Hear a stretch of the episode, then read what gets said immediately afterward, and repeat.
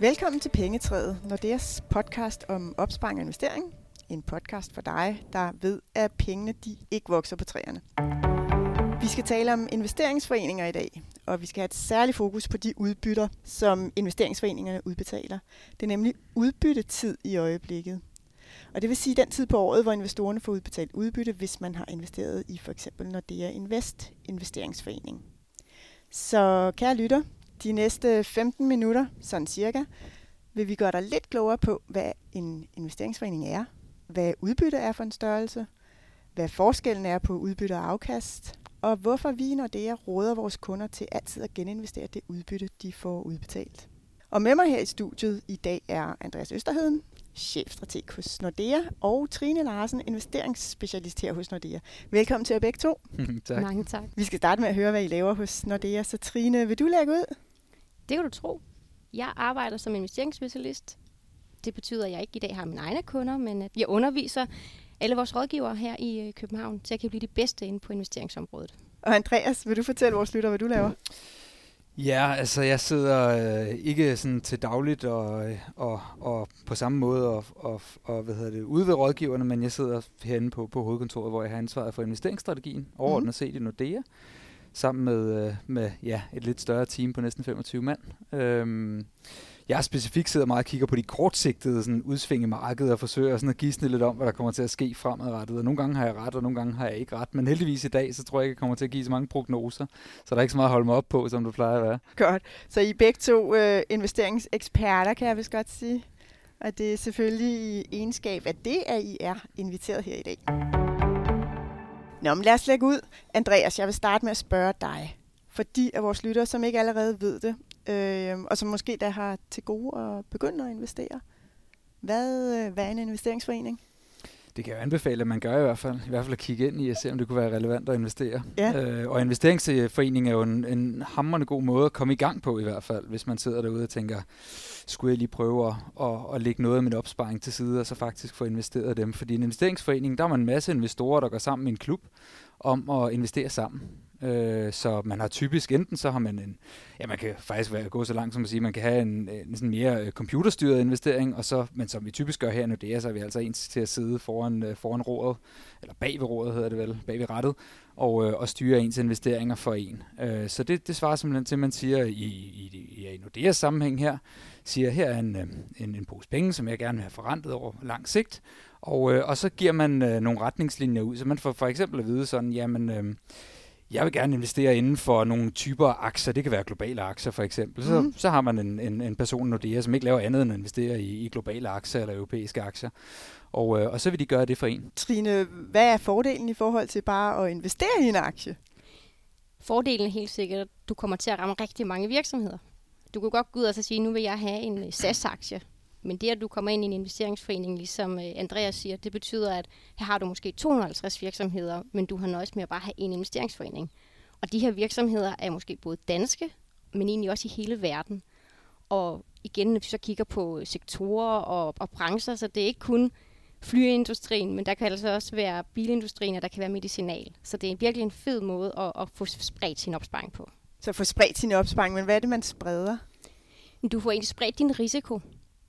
Fordi man kan sige, at hvis du lægger hele din opsparing bare i SAS-aktien, så lægger du ligesom også det hele på SAS og satser på, at det er en god industri, og det her det er bare en mega god virksomhed. Mm. Hvis du så tager hele din opsparing og putter det i en investeringsforening, hvor du har de her 250 virksomheder, jamen så får du dermed spredt risikoen, fordi du har lige pludselig flere heste at spille på. Ja. ja, så det betyder så i praksis, at du ikke er så eksponeret over for de her selskabsspecifikke faktorer om Ja, det kan så lige være SAS-specifikt, eller flybranchen for den sags skyld, at, man, at vi her i coronatiden jo ikke har rejst lige så meget, så flyselskaberne har haft det rigtig, rigtig hårdt.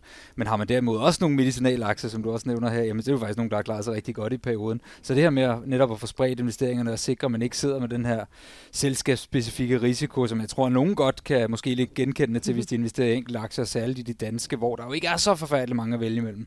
Øhm, så kan man hurtigt være eksponeret over for, ja, ikke bare, hvad jeg lige vil sige, en, øh, en enkelt selskab, selskab, men måske en, en enkelt godkendelse af et produkt i USA, eller hvad ved jeg, øh, som kan betyde rigtig meget for ens formue. Det vil vi gerne undgå, fordi vi vil gerne øh, prøve at høste nogle af de her langsigtede afkast, som man kan som investor. Tak skal I have. Så har vi fået slået fast, hvad en investeringsforening er. Det var den korte version. Ja. Var det ikke det? Jo, oh, der, der var mere, vi kunne vi snakke kunne om. sige så. meget mere. Ja. Så skal vi have talt lidt om, hvad udbytte så er, og hvordan det hænger sammen med investeringsforeninger. Altså, jeg ved så meget som, at udbytte, det udbetales en gang om året. Det er måske ikke engang rigtigt, eller hvad, Trine? Typisk er det en gang om Mm. året, at det, at det bliver udbetalt. Okay. Og så er der nogle helt særlige tilfælde, hvor det godt kan være flere gange. Men hvis vi sådan tager Nordea Invest og de her investeringsforeninger, vi har, jamen, så er det typisk øh, en gang om året. Og det er lige om hjørnet. Og det er nemlig lige om hjørnet. det er lige om hjørnet, det er her den 4. februar. Og hvad er et udbytte? Jamen, udbytte er egentlig en del af det afkast, du får ved at være med i den her investeringsforening. Og det er rigtig vigtigt at have for øje, fordi vi vil jo rigtig gerne have afkast. Og afkastet består egentlig både af udbytter, men så også af denne her kursændring. For vi vil jo gerne have, at øh, den her investeringsforening bliver så stiger så meget som muligt, når vi engang skal sælge den. Så man kan sige, at udbytte er egentlig en del af dit afkast. Og det vil sige, at den her investeringsforening, øh, som der øh, så siger, at nu får du noget udbytte, jamen det betyder egentlig, at man tager en del af det overskud, som den her investeringsforening har haft, og så siger, at en del af det her vil vi nu gerne udbetale til de ejere, der har den her investeringsforening. Og så får man det egentlig ud som cash. Så man får simpelthen en pose penge. Og hvad sker der så med kursen?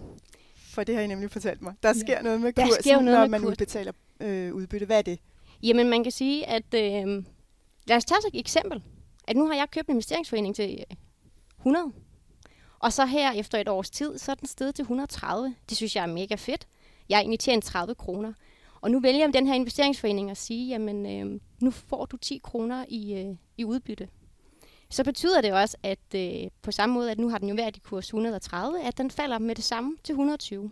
Så man kan sige, at hvis jeg får udbytte på 10, jamen så falder kursen med fuldstændig samme beløb. Så værdien af investeringsforeningen falder med det beløb, man får udbetalt. Ja.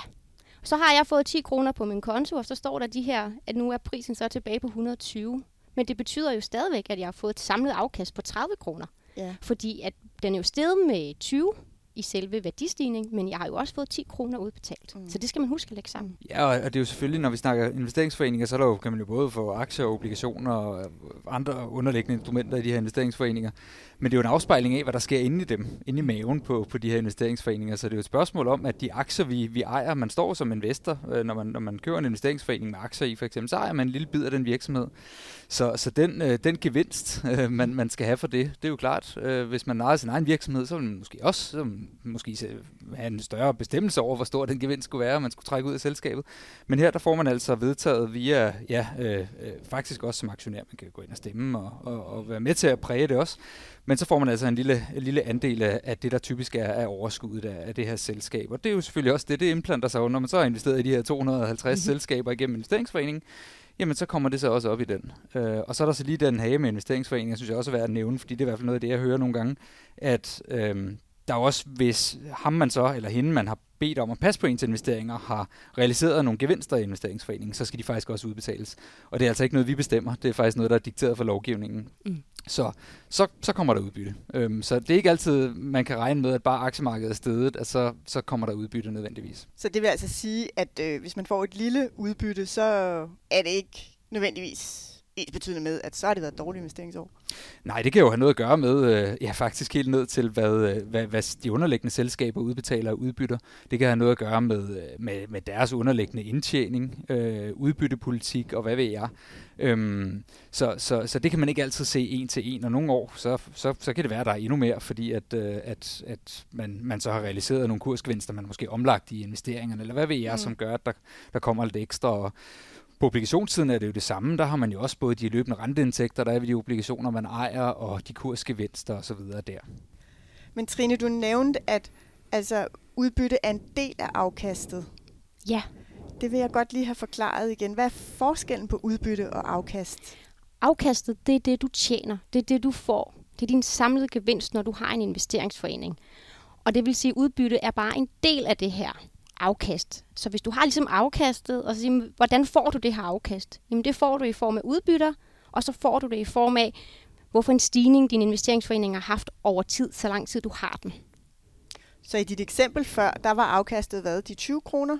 Og udbyttet de... de øh... Afkastet var de 30 kroner, ah. men øh, kursstigningen stigningen på, på din selve investeringsforening var 20, og okay. udbytte var de 10 kroner. Okay, så afkastet er værdistigning plus udbyttet. Ja. Nej, det bliver jo hurtigt lidt komplekst, fordi jeg ved da også, at hvis man for eksempel handler på vores investeringsplatform, så, øh, så regner vi det ikke med i det afkast, vi skriver, man har fået, simpelthen fordi det bliver udbetalt på ens konto. Øhm, så man ja. skal faktisk selv holde lidt regnskab med det, for at vide, hvad ens totalafkast er. Og nu, nu sad jeg, inden øh, vi gik i studiet her, der, øh, der, der lavede jeg lige et lille regneeksempel, og der er nu igen, nu har jeg ikke regnet omkostninger og skat og alt sådan noget med, fordi det bliver alt for komplekst til mig. Øhm, men der kiggede jeg bare på globale aktier. Øh, sådan en spand af, aktier fra hele verden, amerikanske, europæiske, danske og hvad ved jeg. Øhm, og så så jeg på, ved, hvor stor er forskellen egentlig, hvis man øh, glemmer at regne sin udbytter med. Og har man ikke regnet sin udbytter med de sidste 10 år, så er man faktisk gået glip af over 60% i afkast. Og det gælder jo selvfølgelig også, hvis man så rent faktisk øh, bare får dem udbetalt, og det skal man jo selvfølgelig gøre, hvis det passer med ens livssituation, og man skal bruge pengene.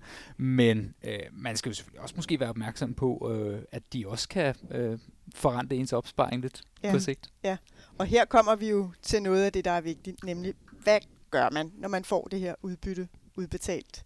Man kan bruge dem, som du sagde, Andreas, hvis, øh, hvis man står og har mhm. brug for lidt ekstra, men man kan også geninvestere dem. Ja, det kan man. Og det der er ingen tvivl om, at det er den helt store anbefaling herfra. Ja. Selvfølgelig ikke, hvis vi skal bruge dem i morgen. Det skal vi selvfølgelig mærke efter, men, men har vi ikke planer med den her opsparing, så skal den ud og geninvesteres. Det hele her rentes rente. Vi har lagt en plan for vores opsparing, og så skal vi lige stille os selv spørgsmålet, bare fordi at jeg nu får nogle penge udbetalt, er min plan så ændret?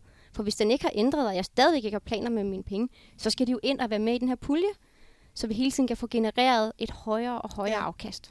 Men det du også fortalt før, at kursen på investeringsforeningen falder, det vil vel også betyde, at man udhuler sin opsparing eller investering? Det gør du jo, fordi lige pludselig så har du jo en, en, en mindre del, som der så er investeret. Til gengæld har du fået nogle penge ud på din konto, og så kan vi kigge på den i dag. Fedt, vi har næsten negative renter øh, og inflation, så hvis vi for eksempel ikke tager stilling til det, ja. jamen, så vil din opsparing blive udhulet hvis du ikke får dem geninvesteret. For hvis de penge står der også i morgen, om et år, om to, så har du haft en del af den her opsparing til næsten negative renter, hvorimod de kunne have været med inden og generere et langt højere afkast.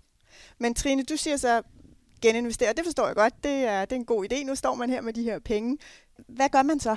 Hvad skal man gøre, Andreas? Hvad skal man særlig være opmærksom på? Jamen, det kommer an på ens aktuelle situation og hvad man har investeret i, men, men ofte øh, er man sådan en, der godt kan lide at have hænderne lidt på rettet selv og styre sine investeringer, så kan det faktisk godt give mening at, at bruge de her øh, ja, udbytter til at få, øh, få, få lige få justeret lidt i sin portefølje. Så har man for eksempel haft et år, hvor aktier har gjort det fantastisk, og obligationer måske ikke har givet så meget afkast, jamen så kan man bruge udbytterne til at få tanket lidt op i obligationerne faktisk, for netop at sørge for, at ens sådan samlede porteføljerisiko, at, øh, at den ikke bliver for høj løbende. Det er også det, vi kalder rebalancering. Ja, det tænker jeg, der er rigtig vigtigt, fordi vi laver en eller anden strategi, det ved jeg også med mine rådgiver, vi laver en strategi med, med vores kunder, og når vi så slipper kunderne løs, jamen, så ændrer markedet sig altså. Så, så det er jo mega fedt, at vi kan bruge udbyttet til at få komme tilbage til den her strategi. Vi har fået slået fast, at geninvestering er en rigtig, rigtig god idé, og det er det, når det er anbefaler. Men hvad er det så helt konkret, man skal gøre? Hvad skulle jeg gøre helt konkret for at få geninvesteret mit udbytte? Hvis jeg var dig, så vil jeg gå ind og sørge for at blive tilmeldt mig. Det er sådan her i Nordea, så kan vi tilmelde det automatisk, så du faktisk ikke skal bekymre dig om det og huske det. Så nogle af de løsninger, vi har i dag, betyder, at du kan gå ind på vores hjemmeside, nordea.dk-geninvestering, og så kan du der trykke på en knap, og så kan du faktisk tilmelde dig de investeringsforeninger, du har i dag. Og det betyder, at du kan lænde dig tilbage her den 4. februar, så kan du se, hvordan at øh, vi automatisk geninvesterer. Du skal ikke ind selv og lave en handel, eller forholde dig til det. Så vil Nordea år efter år geninvestere? År efter år vil vi hele tiden gå ind og lave en automatisk geninvestering. Og vi vil først stoppe den dag, du siger til os, nu skal vi stoppe. Det lyder da fantastisk. Er det noget, man skal gøre, når man øh, køber sin investeringsforening? Det vil jeg anbefale. Jeg vil anbefale, at man allerede, når man køber en investeringsforening, allerede der tager stilling til det udbytte, som jeg fremover skal modtage. Har jeg brug for det, eller skal, har jeg ikke? Fordi så kan du egentlig få det tilkoblet din løsning allerede fra første dag af, og det giver sindssygt god mening.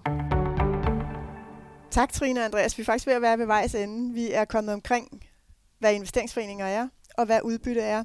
Vi har fået fastslået, øh, det er udbyttetid, det vil sige, det er nu, de bliver udbetalt, og det er en rigtig, rigtig god idé at geninvestere dem. Men jeg synes, vi skal slutte af med et af de spørgsmål, I oftest får fra kunder, som I taler med, og så kan vi benytte lejligheden til at besvare spørgsmålet, så alle får det at høre. Så Andreas, øh, har du et spørgsmål, som går igen, når du taler med kunderne? Jamen, jeg tror, det, det, det, det jeg egentlig er blevet spurgt mest om, det er den der sammenhæng med, øh, at, at et år for eksempel, hvor, hvor aktier har givet et, øh, et rigtig godt afkast, hvorfor fik jeg så ikke også et rigtig højt udbytte? Så det der med, at der ikke nødvendigvis er en sammenhæng mellem, ofte økonomisk kan der være en sammenhæng mellem, at udbytterne bliver højere, fordi at aktier typisk klarer sig godt, når det går godt i økonomien, altså stiger indtjeningen, og så kan det også påvirke udbytterne selvfølgelig, men, men at der ikke altid er en en-til-en sammenhæng mellem det. Øh, hvorfor passer det ikke sammen? Mm. Og det gør det altså ikke, fordi at der er nogle klare regler for, øh, hvad man skal udbetale udbytte, alt efter hvad der sker. Øh, netop hvad, hvad de enkelte selskaber udbetaler, hvilke realiserede kursgevinster der har været, osv. osv. i afdelingen. Og Trine, har du et typisk spørgsmål, som du bliver stillet? Ja, og det er selvfølgelig, hvad koster det? Hvad koster Fordi det? nu siger I, kære Nordea, at det er en mega god idé at geninvestere, Ja. og vi faktisk kan, kan tilmelde det automatisk.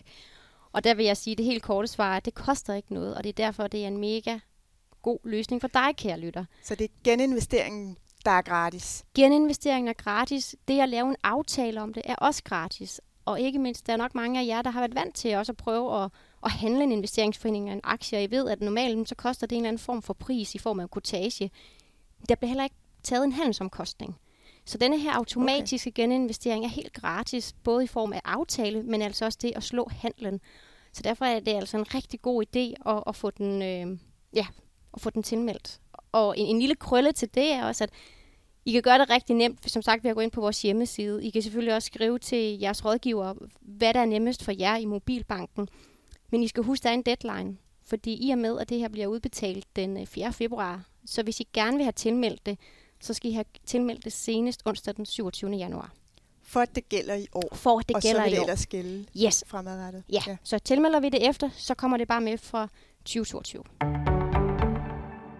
Jeg har ikke flere spørgsmål, Trine og Andreas. Tak fordi I kom forbi og hjalp mig med at få styr på nogle af de her begreber omkring udbytter, og hvorfor det er så vigtigt at få geninvesteret, når man får et udbytte. Og til vores lyttere, hvis I vil vide mere om geninvestering, så gå ind på nordea.dk-geninvestering. Og det var nordea.dk-geninvestering, for der har vi samlet en masse information om udbytter og geninvestering. Og der ligger også den her formular, som Trine har talt om, øh, hvor man online kan tilmelde sig automatisk geninvestering. Hvis du har spørgsmål i øvrigt, er du også meget velkommen til at tage fat i din rådgiver, som vil kunne hjælpe dig. Det var alt, hvad vi havde dengang i, i Pengetræet. Du finder os på SoundCloud og i din foretrukne podcast-app, så gå ind og abonner på Pengetræet, så går du ikke glip af vores spændende kommende episoder. Tak for den gang.